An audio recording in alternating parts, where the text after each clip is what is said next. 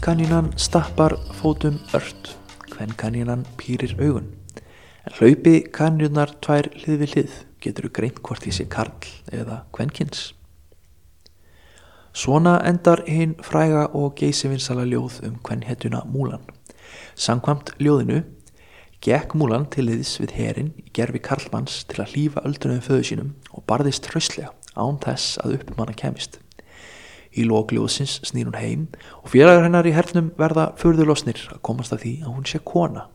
Þá leggur hún fyrir þá líkinguna um kanninunar tvær sem ekki sé hægt að aðgarina hlaupandi.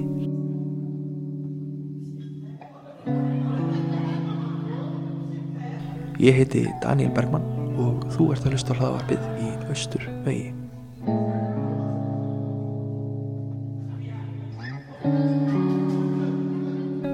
Múlan er án efa ein alfrægasta hvern persóna kýmerska menningarsögu og sumir fræðimenn telja mögulegt að ljóðið sé byggt á sönnum atbyrjum. Sama sem því líður hefur fjöldi ljóða, leikrita og frásagna af hittitáða Múlan sprottið upp í gegnum aldrinnar í Kína og þar þekkir hvert mannspann söguna um Hua Múlan. Á 20. öldinni voru svo gerðar kvikmyndir og sjónvastættir byggðir á sögunu Múlan. Meðal annars þögul kvikmynd frá árinu 1927 undir tillinum Múlan gengur í herin og önnur samnemnd kvikmynd með hljóði sem gerðvað í Shanghai þá hersetinni af Japunum árið 1939 og svo ópermynd frá Hong Kong frá árinu 1964. Sagan af Múlan er alveg einstök þar sem hún skartar kvenkins söguhetju en fjallar þó ekki um keisarhyrðina eða yfirnáttúrulega fyrirbæri nýja einkennist hún af útletslýsingum múlan eða ástardrama. Sagan náði loks augum og eirum vesturheims og hafa mörg ykkar, hlustandi góðir, eflust séð Disney teknimyndina um múlan frá 1998 eða leiknu kvikmyndina frá árunnu 2020. Við eigum langt í land.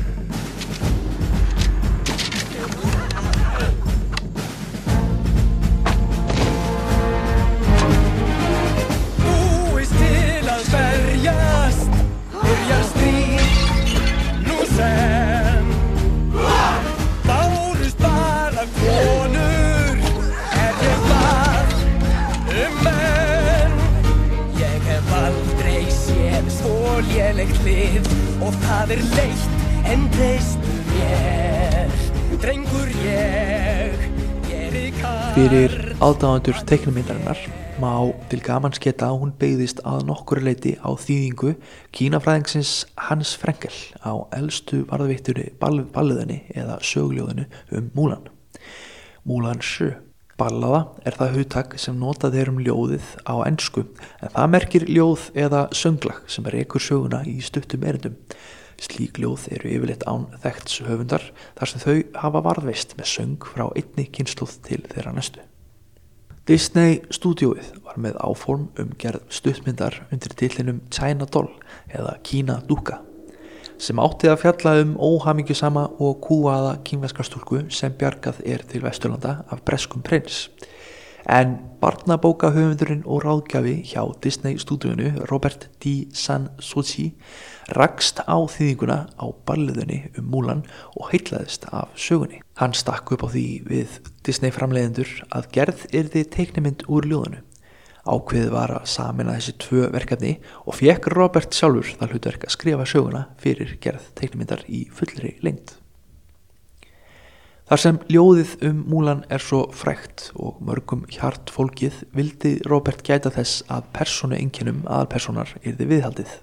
Múlan var líka fyrsta asíska kvennpersona Disney teiknumyndar í aðalauturki og berst í stríði í þakkabót. Sem betur fer var gömlum hugmyndum um breskan prins ítt út af tenniborinu og romantíkin í myndinni gafkvært hersöðingunum Lý Sjang raunar aðeins hliðarsaga sem íjað er að og fær ekki mikið pláss. Leikstjóri myndarinnar Tony Bancroft var sammála Robert um að íta undir styrkleika múlan í, þess, í stað þess að gera hana að hefðböndinni Disney prinsessu sem þarf Karlmann til að bjarga sér úr erfiðum aðstæðum. Tony og tvíbrabróður hans Tom sem starfaði sem teiknari við myndina og teiknaði Mushu lukkudregan eftirminnilega, áttu báðir dætur og vildu að Múlan yrði sterk kvenkins fyrirmynd.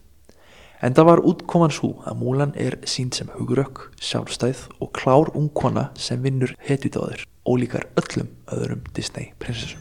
Aðeins eitt um ég bið að þú forfeður mér leggið nið svo ég ekki smáni heim í nið heldur færi pappa sæl. Verri en bólandi fyrir nokkur brúða seljan skoðar okkur. Horfðu í ykkar nú erum þessi förum eigjar blóm. Hver vilur valin væn og fróm við varum eins og við er satt. En víkjum aftur af ljóðinu fræga sem var kveikjan að Disney myndinni. Elsta útgáfa ljóðsins sem við munum einbjönd okkur af í hraðarsvætti dagsins er að finna í ljóðasafni frá 12. öld rituð af Guam Out Shen. Ljóðið er þó talsvert eldra og talið að það hafi verið samið á tímum Norður Wei veldisins í kringum fjórðu til 50 öld. Og það hafi varðvist í munleiri geimt þar til það var skráð á sjöttu öld. Guo Mao Chen, sá er skráði ljóðið í UFO ljóðasafnið á 12. öld, segist rita ljóðið eftir textasafninu Gu Jin Yue Lu sem þýða mætti sem skráfornarar og samtíma tónlistar sem tekið var saman á sjöttu öld en er nú glatað. Svo eru aðrir fræðmenn sem telja að ljóðið hafi einfallega verið samið á sjöttu öld en engin veit með vissu hver höfundur þess er. Í elstu útgáðan ljósins er aðeins notað nafnið Múlan sem er heiti Magnóliu blómsins á kímersku og var vinsælt nafn í norður Kína bæði fyrir stúlkur og drengi. Á kímersku er oft alls ekkert augljóst hvort nafn sé stúlku eða drenginam svo við getum hugsað þetta eins og ef til dæmis nöfnin Björk og Birkir hljómuðu eins á íslensku. Í síðar tíma ljóðum bætti svo við ættanafnið Hua sem er raunverulegt kýmvest ættanafn og merkir blóm. Önnur ættanöfn hafa líka verið notuð en sögupersonan er þekktust undir nafninu Hua Mulan. Í mörgum kýmveskum máliskum er orðið Hua borðið fram Fa eins og reyndar er gert í Disney tegnmyndinni þar sem söguheitan er kölluð Fa-Mulan. I've heard a great deal about you, Famulan. Það er reyndar svolítið ósamræmi í nafni söguheitunum okkar í Disney tegnmyndinni. Fa-Mulan er blanda af annars vegar kantónskum framburði fyrir ættanafnið Fa en svo staðlaðari mandarinn kýmversku fyrir eiginafnið Mulan. Væri nafnið allt lesið á kantónsku myndi það hljóma einhvern veginn eins og Fa-Mug-Lan. Í leiknu Disneymyndinni frá 2020 hefur ósamramið verið lagað og nafnið þar allt borið fram á mandarinn kýmversku. I'm Hua Mulan. I will bring honor to us all. Talandum mismunandi framburð í kýmversku er rétt að nefna að ljóðið um Múlan rýmar betur á kantónsku en á mandarinn kýmversku. Þar sem kantónska er nær hinn um eldri kýmverska framburði 10. til 12. aldar. Ýmsar hljóðbreytingar hafa átt sér stað í mandarinn kýmversku sem hafa ekki náð til kantónskunar og því hljómar hún fornari. Auk þess að skoða rým hafa málvísnamenn til dæmis skoða framburð kýmverskra tökuorða í japansku til að átta sig á kýmverskum framburði fyrir tíma. Þar mátti aftur sjá ímislegt sameigilegt kantónsku nútímans. Kantónskan er aðalega höð töluð í Guangzhou héræði og Hong Kong svo aðdáðandur gamalla kungfúmynda til dæmis gömlu hasamynda Jackie Chan's gætu þekkt hljóminn. Við skulum hlusta á stutt hljóðbrott af hennum kantonska framburði á ljóðinu um múlan. Ljóðið hefst á hljóðkerfingi, það er að segja orði sem líkir eftir hljóði þegar múlan er að vefa á vefstól. Tík tík fók tík tík, múlan dán hú tík, bætmann gei tjú seng, væmann nau tann sig, mann nau hó svo sí, mann nau hó svo ík, nau ík mú svo sí, nau ík mú svo ík. Þótt það kom ekki skýrt fram í ljóðinu er sögusviðið kjarnan talið vera Wei veldið í norður Kína út frá landfræðilegum og menningarlegum skýrskotum þess. Wei veldið, síðar meir oft kallað norður Wei veldið, var veldi hyrðingja af Shenbei þjófloknum. Shenbei hyrðingjarnir nánar tiltekið af Tuoba ættinni afrikuðu það að samina norður Kína á miklum óróa tíma á fjórðu öld okkar tímþals. Þessi óróa tími er oft kendur við norður og söður kissaraveldin sem þá tókust á. Norðurinu réði Shenbei þjóðflokkurinn en söðurinu hann kýmverjar í keisarveldi sem kallaðist Liu Song. Wei-veldið var langlífasta og sterkasta veldi Norðursins þar, þar til Kína var endur saminað á tímum Sui og Tang-veldana. Það tegði sig frá Liaodong skaganum í austri þar sem þrjú kóres konuveldi, konungsveldi voru nágranna þess að Tarim slettinu í vestri en Suður landabærin færðust til í takt við landvinninga og töp á móti Ljósong veldinu. Sembei hyrðingjarnir heldu fram, framan af strángri aðgringu á milli sín og kýmverska þegna sinna en réðu kýmverska embatsmenn sem þeir pössuðu að kemist ekki í of valdmikla stöður voru látnir að sjá um stjórnsíslu skatti, imheimtu og, og slikt. Þrátt fyrir ófriðin á þessum tíma var mikil, mikil gróska í listum, tækni og menningu og bæði bútismi og dáismi í miklum vexti. Stjórnendur Wei-veldisins tóku bútisma upp sem ríkistrú en áttu eftir að lenda í vandraðum með það þar sem e, kýmverskum þegnum þótti bútismin aðhyllast einlífi og munkalíf sem var alveg á skjön við hugmyndi þeirra um heilalega fjölskyldu lífsins. Eftir því sem efnahagur Shenbeiana varð háðari landbúnaðari en smala mennsku fjarlæðust þeir flökkustýl hyrðingjana og tilengu sér kyrsetu líf. Þeir tóku jáfnframt upp kýmverska siði, sérstaklega eftir að keisarin Xiaowen komst til valda á árið 471 sem átti föður af Shenbei kynni en kýmverska móður. Hann skipaði meðal annars Shenbei elitunni að klæðast kýmverskum fötum og læra kýmversku og hvati þar að auki til blandaðara hjónabata. Wei-veldi, Shenbeiana, bjóði yfir miklum herstyrk og náði töluverðum landvinningum en vegna stöðugs ágangs rórana bandalags frum mongólska herringja sem herjuðu á Wei-veldið úr norðuri náði það aldrei söðu Kína á sitt vald. Þess má geta að óvinna herin í leiknu Disneymyndinni frá 2020 eru einmitt látni vera rórarar. 要让柔然人知道，我们大魏将士永 屈服，绝不退让。士兵可以叛我，将军可以欺我，但我花木兰绝不背叛国家。各位兄弟们，吃完这顿，斩杀他们的单于。砍倒他们的大旗，你们怕死吗？你们怕死吗？ Leitúar austur-asíska herðingja ættborga hafa löngum fengið titilinn Khan frekar en keisari. Rétt eins og hinn viðfræði gengis Khan en orðið er tökuð orð í bæði kímersku og evrópskum málum eh, með Ólufsson uppruna. Mögulega forn mongolskan e, vitað er að bæði Sjenbei þjóðflokkurinn og róðrannir notuðu hugtakið en orðið Khan kemur einmitt fyrir í ljóðunum um múlan þegar vísað er til æðista leðtóhans og rennir stóðum undir kenninguna um að sugur sviðljósins sé frá tíma Wei veldisins. Afar áhugaverðar nýlegar fortlefa rannsóttir á svæði sem nú er hluti af Mongóliu hafa leitt í ljós að konur á tímum Sjenbei þjóðflokksins stunduðu bæði hestamennsku og bóðfimi. Beinagreindur bæði karla og kvenna voru rannsakaðar með tillit til áverka út frá ástundum herk hestamennsku og bókfimi. Nú velta vísnamenn sem unnur rannsóknina fram þeirri spurningu hvort þessar konur hafi stunda hernað og hvort ljóðið um múlan gæti átt rætu sínar að rekja til þeirra.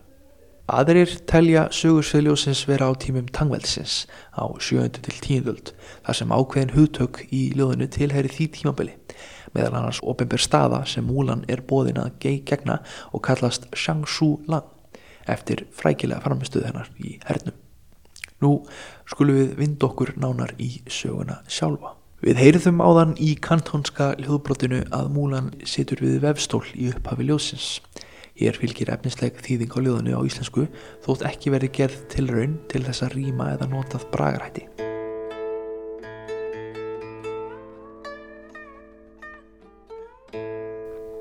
Tjekk, tjekk og aftur tjekk. Múlan vefar við dyrakettina. Nú heyrist ekki í vefstólnum. Heldur heyrist aðeins stúlkan andvarpa hugsi.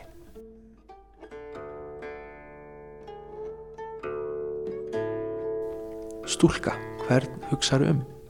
Stúlka, hvert þráið þú? Múlan svarar Stúlkunni er engin í huga nýja þráir hún neitt Í gerkvöldi sá ég herrkvaðningar plakkutin Kaninn kallar til sín fjölda hersveita Hermannalistin var í tólf handritum hvert þeirra inn í hjálpnafn föðu míns.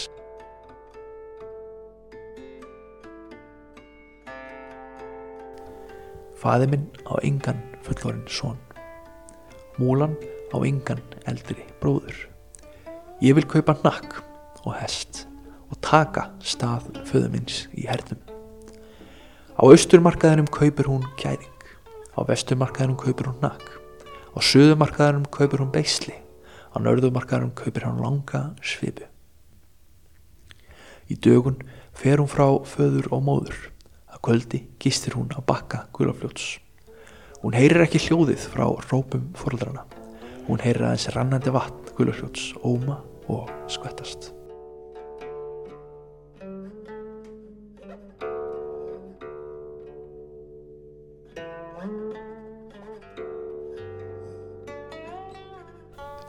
Í dögun fer hún frá gulafljóti. Á kvöldi kemur hún að svörtu fjöllum. Hún heyrir ekki hljóðið frá rópum fóröldrana. Hún heyrir aðeins í hestum höfðingina af Jén fjalli.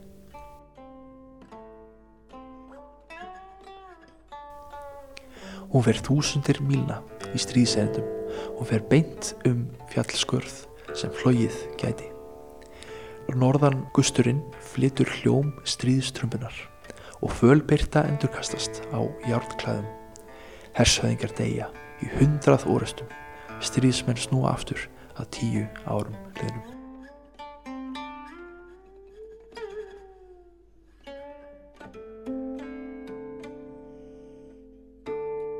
Við endurkomu sérst sonur heiminsins. Sonur heiminsins sittur í hátíðasal hallarinnar. Hann afhendir viðkenningaskjöl í tólf röðum og velun fyrir hundruði þúsunda. Kanin spyr hvaða stöðu Múlan óski sér. Múlan svarar. Múlan þarnast ekki ofinbæra stöðu en vill fá lánaðan faraskjóta til langferðar til að senda unga mannin aftur til heimahagana. Þegar fóraldarnir frétta af komu dótturinnar fara þau út fyrir borgamórin til að taka mót henni. Þau styðja við hvort annað. Þegar eldri sýstir fréttir af komu litlu sýstur fer hún í dýrakettina með rauðan farða. Þegar litli bróður fréttir af komu stóru sýstur skerpir hann hífin skjótt fyrir grís og lamp. Ég opna dyrnar af herbygginu mínu til austurs, sest á rúmið í herbygginu til vesturs, teka mér herrklæðin, fer í gamlu fötu mín, sest við glukkan og laga hárið sem líkist skýjar flóka. Hengi upp speilin, sitja með gulan blómafarða, fer út og ég sé herrfjörðar mína. Félagarnir verða allir förðurlosnir. Saman ferðustuð í tólf ár en vissum ekki að múlan væri stúlka. Karlkanínan stappar fótum ört, kvennkanínan spýrir augum. En hlaupi kanínunar tvær hlið við hlið, getur þú greint hvort þessi karl eða kvennkins.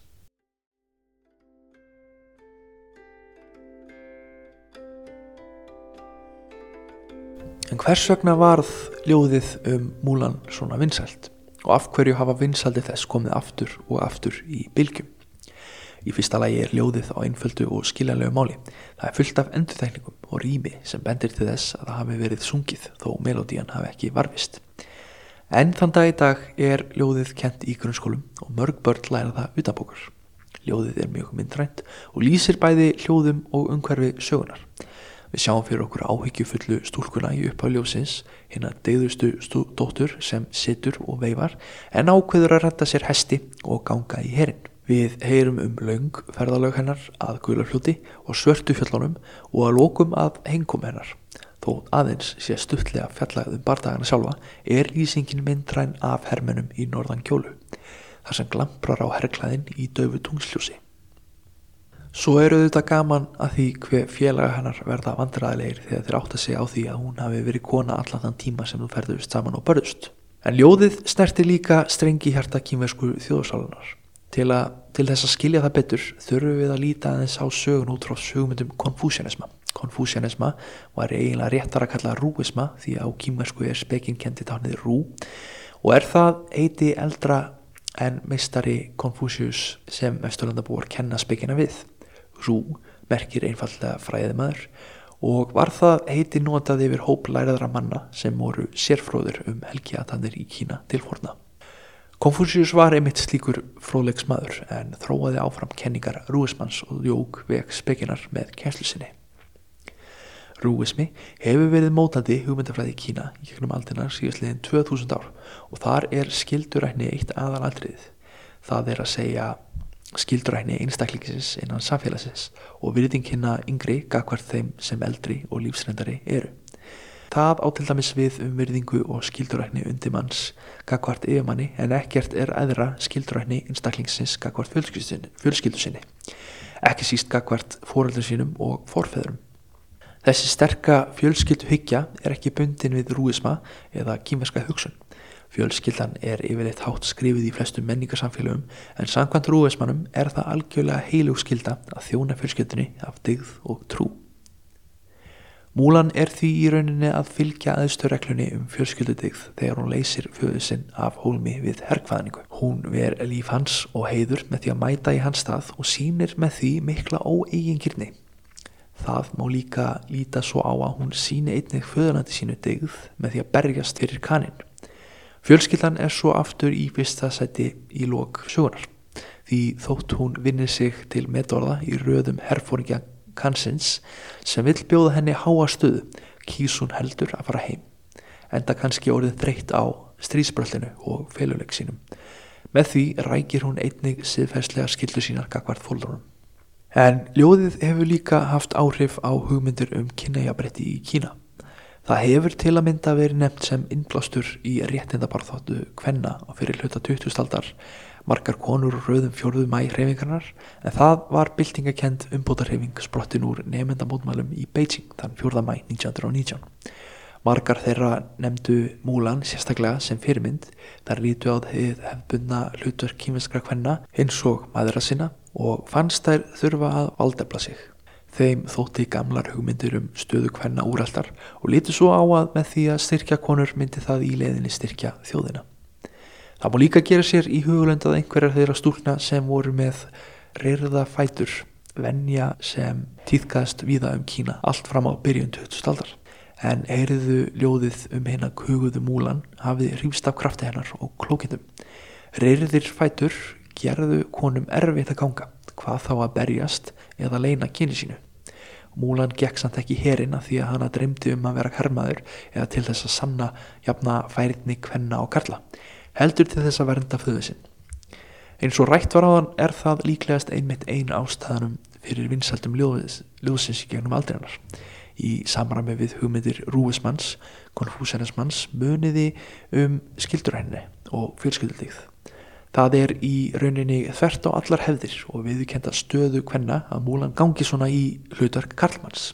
Það hefur vafa lítið varðað við lög og jafnvel verið brot sem refsað væri fyrir með dauða og tekur að meistakvæmsti skýrt fram í upphafljúsins að fadur hennar eigi ekki fullorinn són til að ganga í sinn stað og heldur kyni sínu leindu allan þann tíma sem hún er í hernum. En fyrir átæðandur ljósins hefur fjölskyldutíðin í þessu tilfelli verið ásinn sem trompar allt, réttlætir, gjörðir hennar og upphefur sem hetju. Í hefbundum hugmyndum Rúismanns um kynin er konan undirskipuð karlmennum og því lægra sett. Til er gamalt kynmest orðatildagi sem segir einfallega að karlar séu meira virði en konur, nan tún nú bei. En í loka línum ljósins þegar múlan ber saman kaninunnar tvær kemur fram ákveðin dyrfska sem bendir á að konan geti staði kallmanninum jafnvætis meira að segja sem hermaður í stríði í tólf löng ár. Alltaf þömmur við og þreyt á okkur sífur Svon í þéttri röð við minnum mest á kvígur. Okkur verkar því Iljar í og raumar þreytar hvað Hugsaðu þá um koner þér er kær. Hæ? Ég sagði það, koner þér er kær. Mín er með andlit mána kví Í megar augum fjör. Mín er í vöðvan á mér ós Og elskar gömulör Ég kæri mig samt kollóttan um kost og galla. Ef kannum sæmilega matla Nei svín, kjúkling. Mm. Alveg veit ég að þú vaðikast í píu. Og ég veit þær elska mann í hermatíum Nú að geta hvers ég sakna mest En stríðið færist nær. Hvað er nú það? Og er mér kær. Já, minni finnst ég fullkomin Sér fáa galla á mér. Uh, en hvað um konu sem er klár og lætur kveðað sér? Nei, ég heitlana með hetulegu hátalægi Hann heldur hann sé sottan gæi. Ég á kærustus vera vöðrum konum. Engin kona nema mamman sunnir honum En við sigur sæli höldum heim Í hópum býða þær Það viljum við? Og lengir er það.